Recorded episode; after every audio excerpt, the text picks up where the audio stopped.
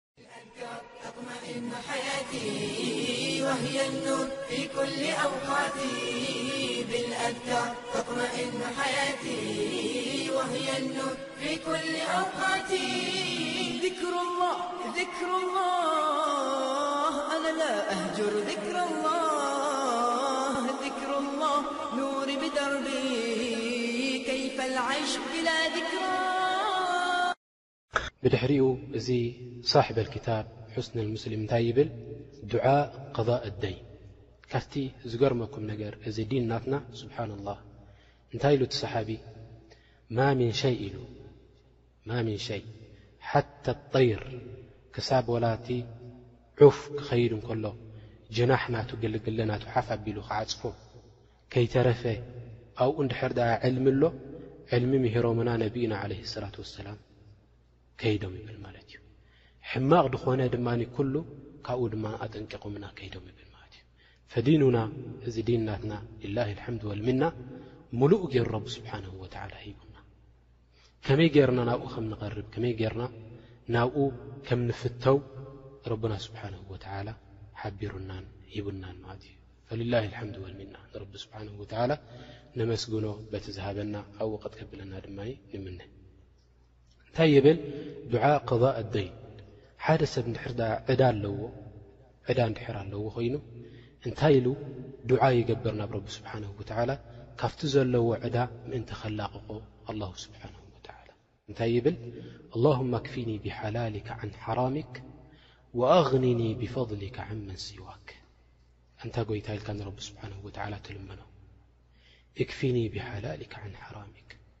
እቲ ሓላል ናትካ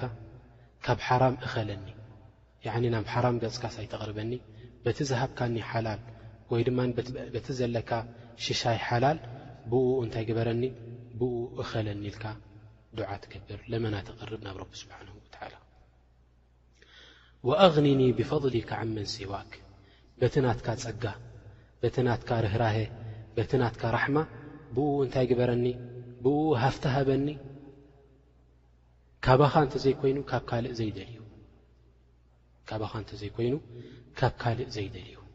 እቲ ሃፍቲ ናተይሲ ካባኻ ጥራሕ ግበሮ እቲ ኣነ ዝጉንበሰሉ እቲ ኣነ ድሰግደሉ እቲ ኣነ ያኒ ድልምነሉ ካባኻ ጥራሕ ግበረለይ ናብ ፍጡራት ናትካ ኣይተጸጋዓኒ ኢልካ ትልምኖ ኣለኻ ንረብና ስብሓነሁ ወተዓላ።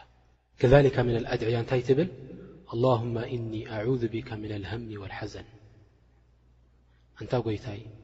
እልምነካ ኣለኹ ትብሎ ንረብና ስብሓነሁ ወተዓላ። ኣዑዙ ቢካ ናባኻ ይዕቆብ ኣለኹ ሚነል ሃሚ ወል ሓዘን ካብ ሃም ካብ ጭንቀት ካብ ሓዘን ካብኡሲ ናባኻ ይዕቅብ ኣለኹ ናብኡ ገጽካ ኣይተቕርበኒ ኢልካ ንረቢ ስብሓን ወተዓላ ትልምኖ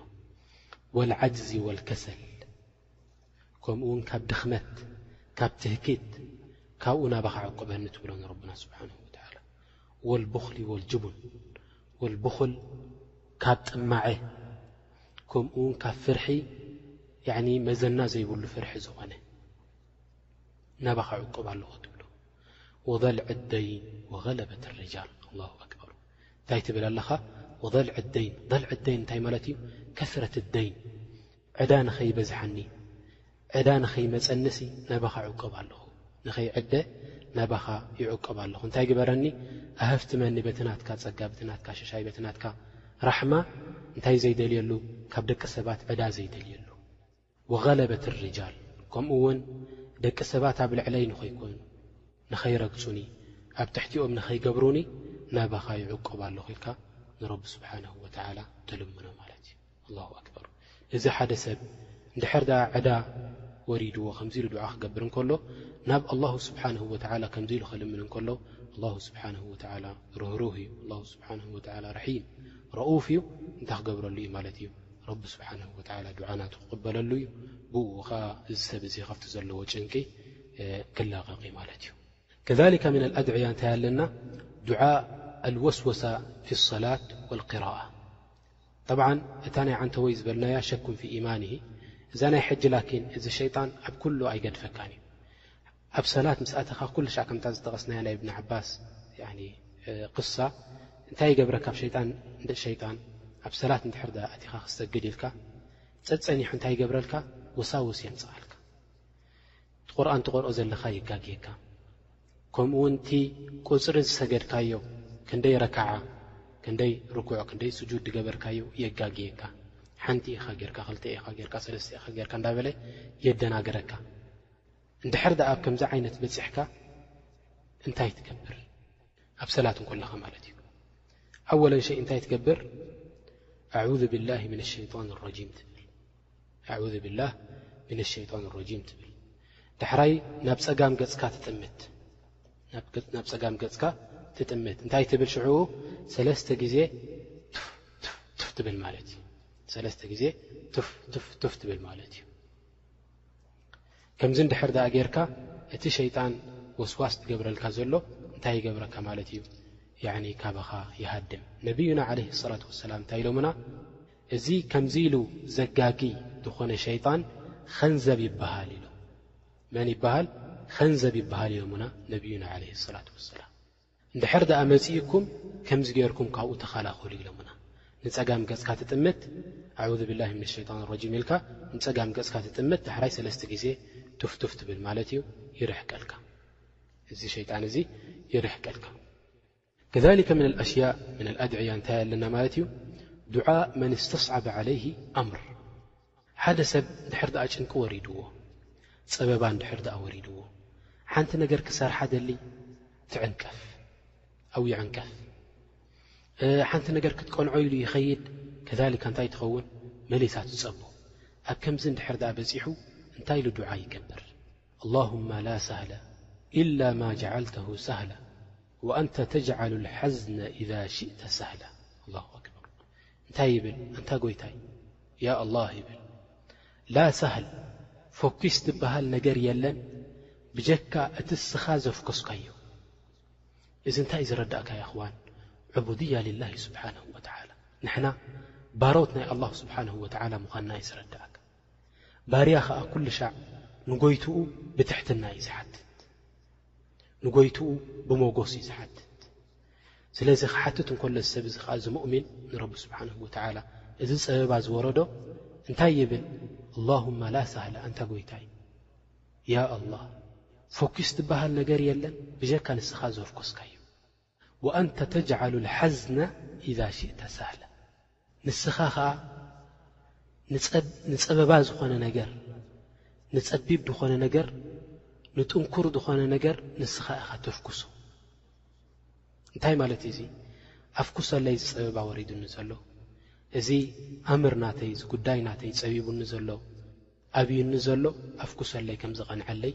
ግበረለይ ትብሉ ኣለኻ ማለት እዩ ጠብዓን ሊተንቢህ ያኣኽዋን እታ ዱዓ እታ ሓዝነ ትብል ዘላ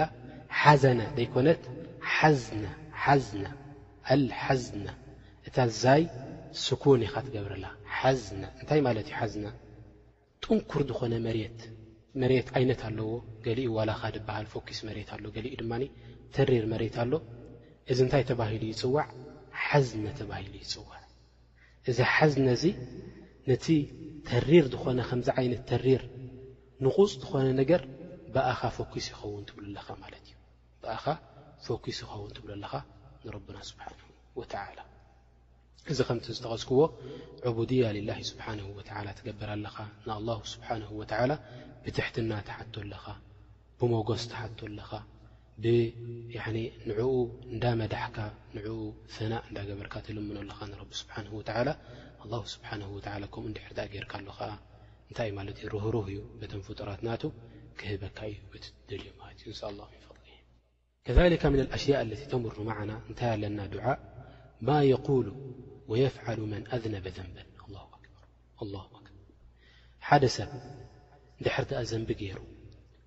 ኣብ ጌጋ እንድሕር ድኣ ወዲቑ ያኒ ተኸየሉ መዓይ ኣኽዋን ዓንተወይ እንታይ ጠቒስና ኣቦና ኣደም ኣብ ጌጋ ወዲቑ ኢልና ኣላሁ ስብሓንሁ ወተዓላ ናብ መሬት ኣውሪድዎ ኣላሁ ስብሓንሁ ወተዓላ ናብ መሬት ኣውሪድዎ ብድሕሪኡ ላኪን ኣነ ጸሊኤልካ እየ ኪድ ኣይበሎን ኣላሁ ስብሓን እንታይ ደኣ ገይሩ ኣቦና ኣደም እቲ ጌግኡ ተኣሚኑ ናብ ረቢ ስብሓንሁ ወተዓላ ዱዓ ምስ ገበረ ኢዱ ሓፍ ኣቢሉ እንታይ ኢሉ ንሱን ሓዋእ ሰበይቱን ክልቲኦም እንታይ ኢሎም ረበና ظለምና ኣንፍሰና ፈኢን ለም ተغፊር ለና ወተርሓምና ለነኩነና ምና ልኻስሪን ኢሎም ኣላሁ ስብሓንሁ ወተዓላ ተቐቢልዎ ብድሕሪኡ እንታይ ገይርዎ ረብና ስብሓን ወተዓላ ካብቶም ምሩፃት ገይርዎ ንኣቦና ኣደም ኣላ ስብሓን ወተላ በል እንታይ ገይርዎ ነቢ ካብቶም ኣንብያ ናቱ ገይርዎ ረብና ስብሓን ወተላ እቲ ተጋገየ ኣብ ምንታይ ደረጃ ክበፅሕ ይኽእል ድሕር ድኣ ተወባ ኢሉ ድሕር ድኣ ተመሊሱ ናብ ጎይትኡ ኣላ ስብሓን ወተላ ይቕበሎን በል ናብቲ ዝለዓለ ደረጃን የብፅሖ ማለት እዩ ኣላ ስብሓን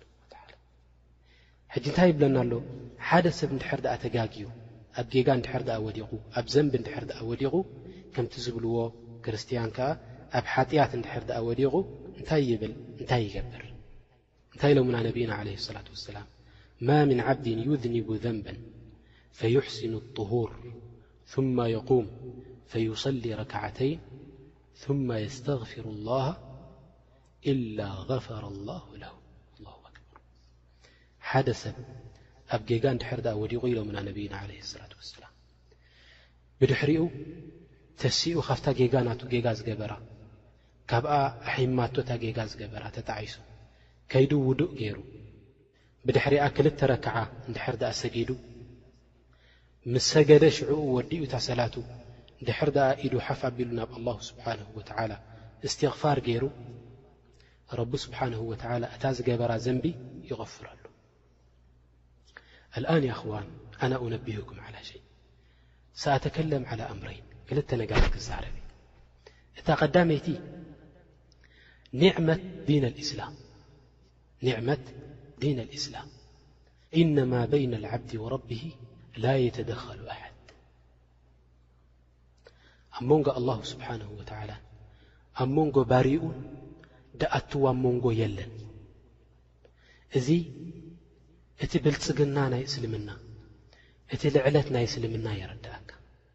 እንድሕር ደኣ ተጋጊኻ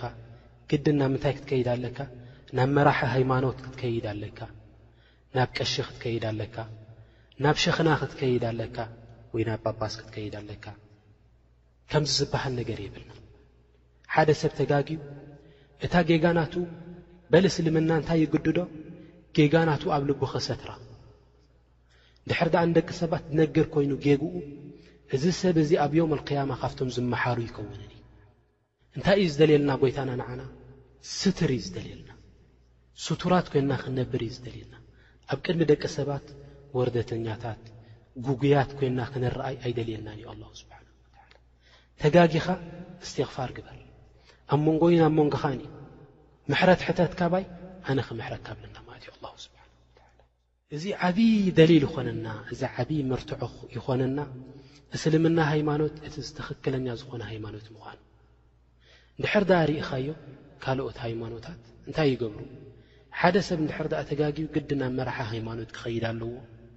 እቲ ዝገበሮ ኩሉ ጌጋ ክነግሮ ኣለዎ ዳሕራይ ከ ካብ መን እዩ እቲ ምሕረት ዝቕበል ካብቲ መራሕ ሃይማኖት ሰብ ከምኡ እሞ ከኣ ይፈልጥ እዩ እቲ ሰብ እቲ እዚ መራሕ ሃይማኖት ዝበሃል ዘሎ ካብ ደቂ ሰባት ንላዕሊ ንሱ ኣብ ጌጋ ይወድቕ ምዃኑ ናይ ደቂ ሰባት ገንዘብ ይበልዕ ምዃኑ ናይ ደቂ ሰባት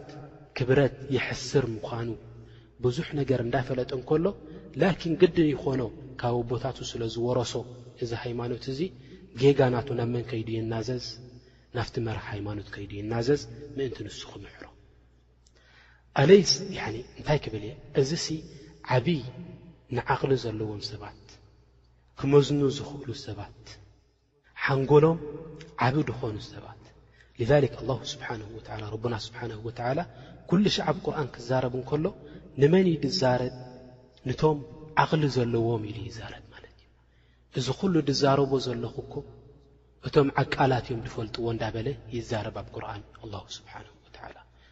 ኩልና ክንሪኦ ንኽእል ኢና እቶም ዓረብ ትፈልጡ ብዓረብኛ ቋንቋ ቁርኣን ረኣይዎ እቶም ብእንግሊሽ ትፈልጡ ከኣ ብእንግሊሽ ቁርኣን ረኣይዎ ኣብ ብዙሕ ኣያታት ክዛረብ እንከሎ ኣላሁ ስብሓነሁ ወተዓላ እንታይ ይብል እዚ እቶም ዓቃላት ሰባት እዮም ዝፈልጥዎ ይብል ማለት እዩ ስለዚ እንታይ ይብል ኣነ ዓቃላት ሰባትሲ ክርእይዎ ይክእሎምዶ እዚ ኣብ መንጎ እስልምና ሃይማኖትን ኣብ መንጎ ካልኦት ሃይማኖታትን ክርእይዎ እንከለዉ ፍልልይ ዓብ ክርእይሉ ኣይክእሉን ዶ እስልምና ዝደልየልካ ንስኻ ባርያ ናይ ፈጣሪ ክትከውን ጥራሕ እዩ ካልእ ሃይማኖት ዝደልየልካ ከኣ ንስኻ ባርያ ናይ ባሮት ክትከውን እዩ ዝደልየልካ ኣብ መንጎ ክልቲኡ ዓብ ፍልልይ ኣለዎ ላየለን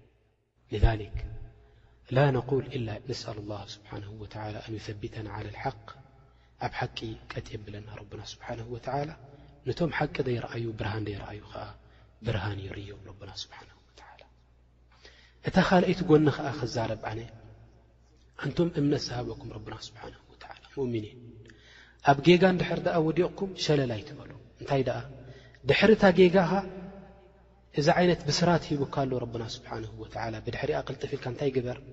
ናብ ኣላሁ ስብሓነሁ ወተዓላ ተመለስ ክልተ ረክዓ ስገድ ውድእካ ጌርካ ክልተ ረክዓ ስገድ እስትቕፋር ግበር ናብ ረቢ ስብሓነሁ ወተዓላ እቲ ዝገበርካዮ ዘንቢ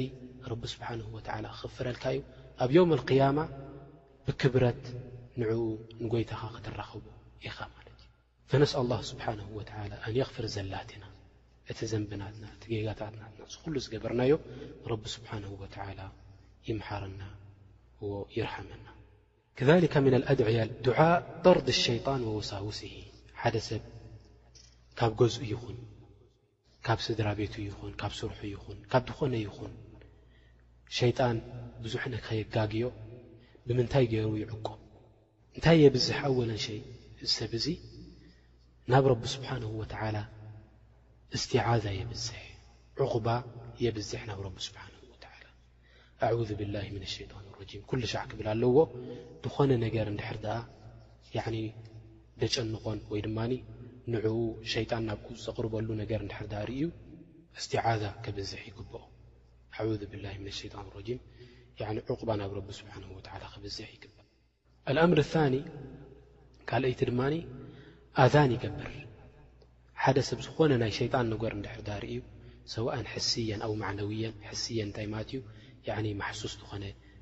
ክልመስ ዝከኣል ነገር እንድሕር ዳኣ ናይ ሸይጣን ነገር ዝኾነ ነገር ርእዩ ወይ ከዓ ማዕነውየን ናይ ውሽጣዊ ዝኾነ ስምዒት እንድሕር ዳኣ ተሰሚዕዎ እንታይ ይገብር ኣዛን ይገብር ይእዝን ድሕር ዳኣ ኣዚኑ እቲ ሸይጣን እንታይ ይገብር ማለት እዩ ከምቲ ነቢና ዓለ ሰላት ወሰላም ድበሉና ያዕኒ ካብቲ ኣዛን ዘለዎ ቦታ ይሃድም ኢሎምና ማለት እዩ ካብቲ ኣዛን ዘለዎ ቦታ ይሃድም ኢሎምና ነቢዩና ዓለ ሰላት ወሰላም ከዛሊካ እዚ ኩሉ ንወስዶ ዘለና ክሳብ እዚ እዋን እዚ ያኒ ዳርጋ ኣብ መጨረሻ ናይዛ ክታብ እዚኣ በጺሕናያ ዘለና ክታብ ኣዝካር ሑስነል ሙስሊም ትበሃል ኣብኡ ደሎ ኣዝካር ብዝተኻእለና መጠን ከነጽንዖን ከነሓፍዞን ይግብኣና ብኡ ኸኣ ኩሉ ሻዕ ክንገብር ይግብኣና ምእንቲ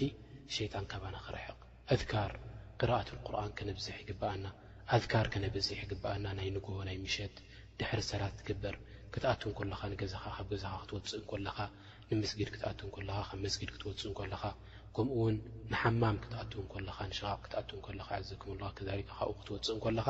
ኩሉ እዚታት እንድሕር ደኣ ኣዝካር ዝክሪ ናይ ኣላሁ ስብሓነሁ ወተዓላ እቲ ዝኣዘዘካ ክትብሎ ዝግበኣካ ዝተማሃርናዮ እንድሕር ደኣ ኢልካ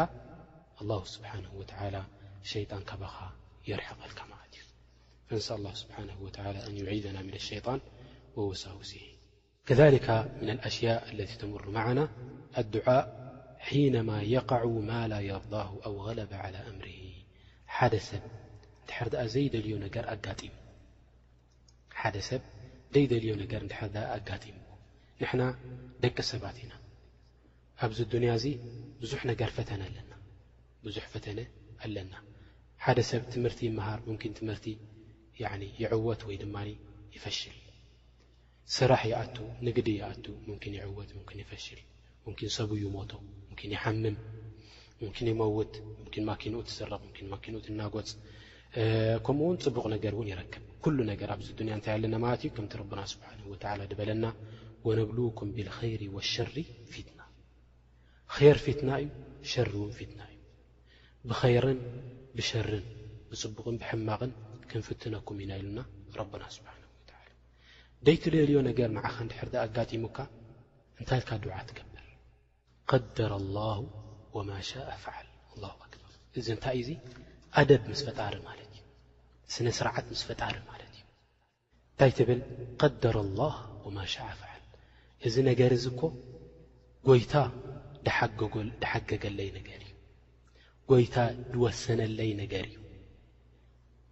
ጎይታ ድማ ንሱ መላኺ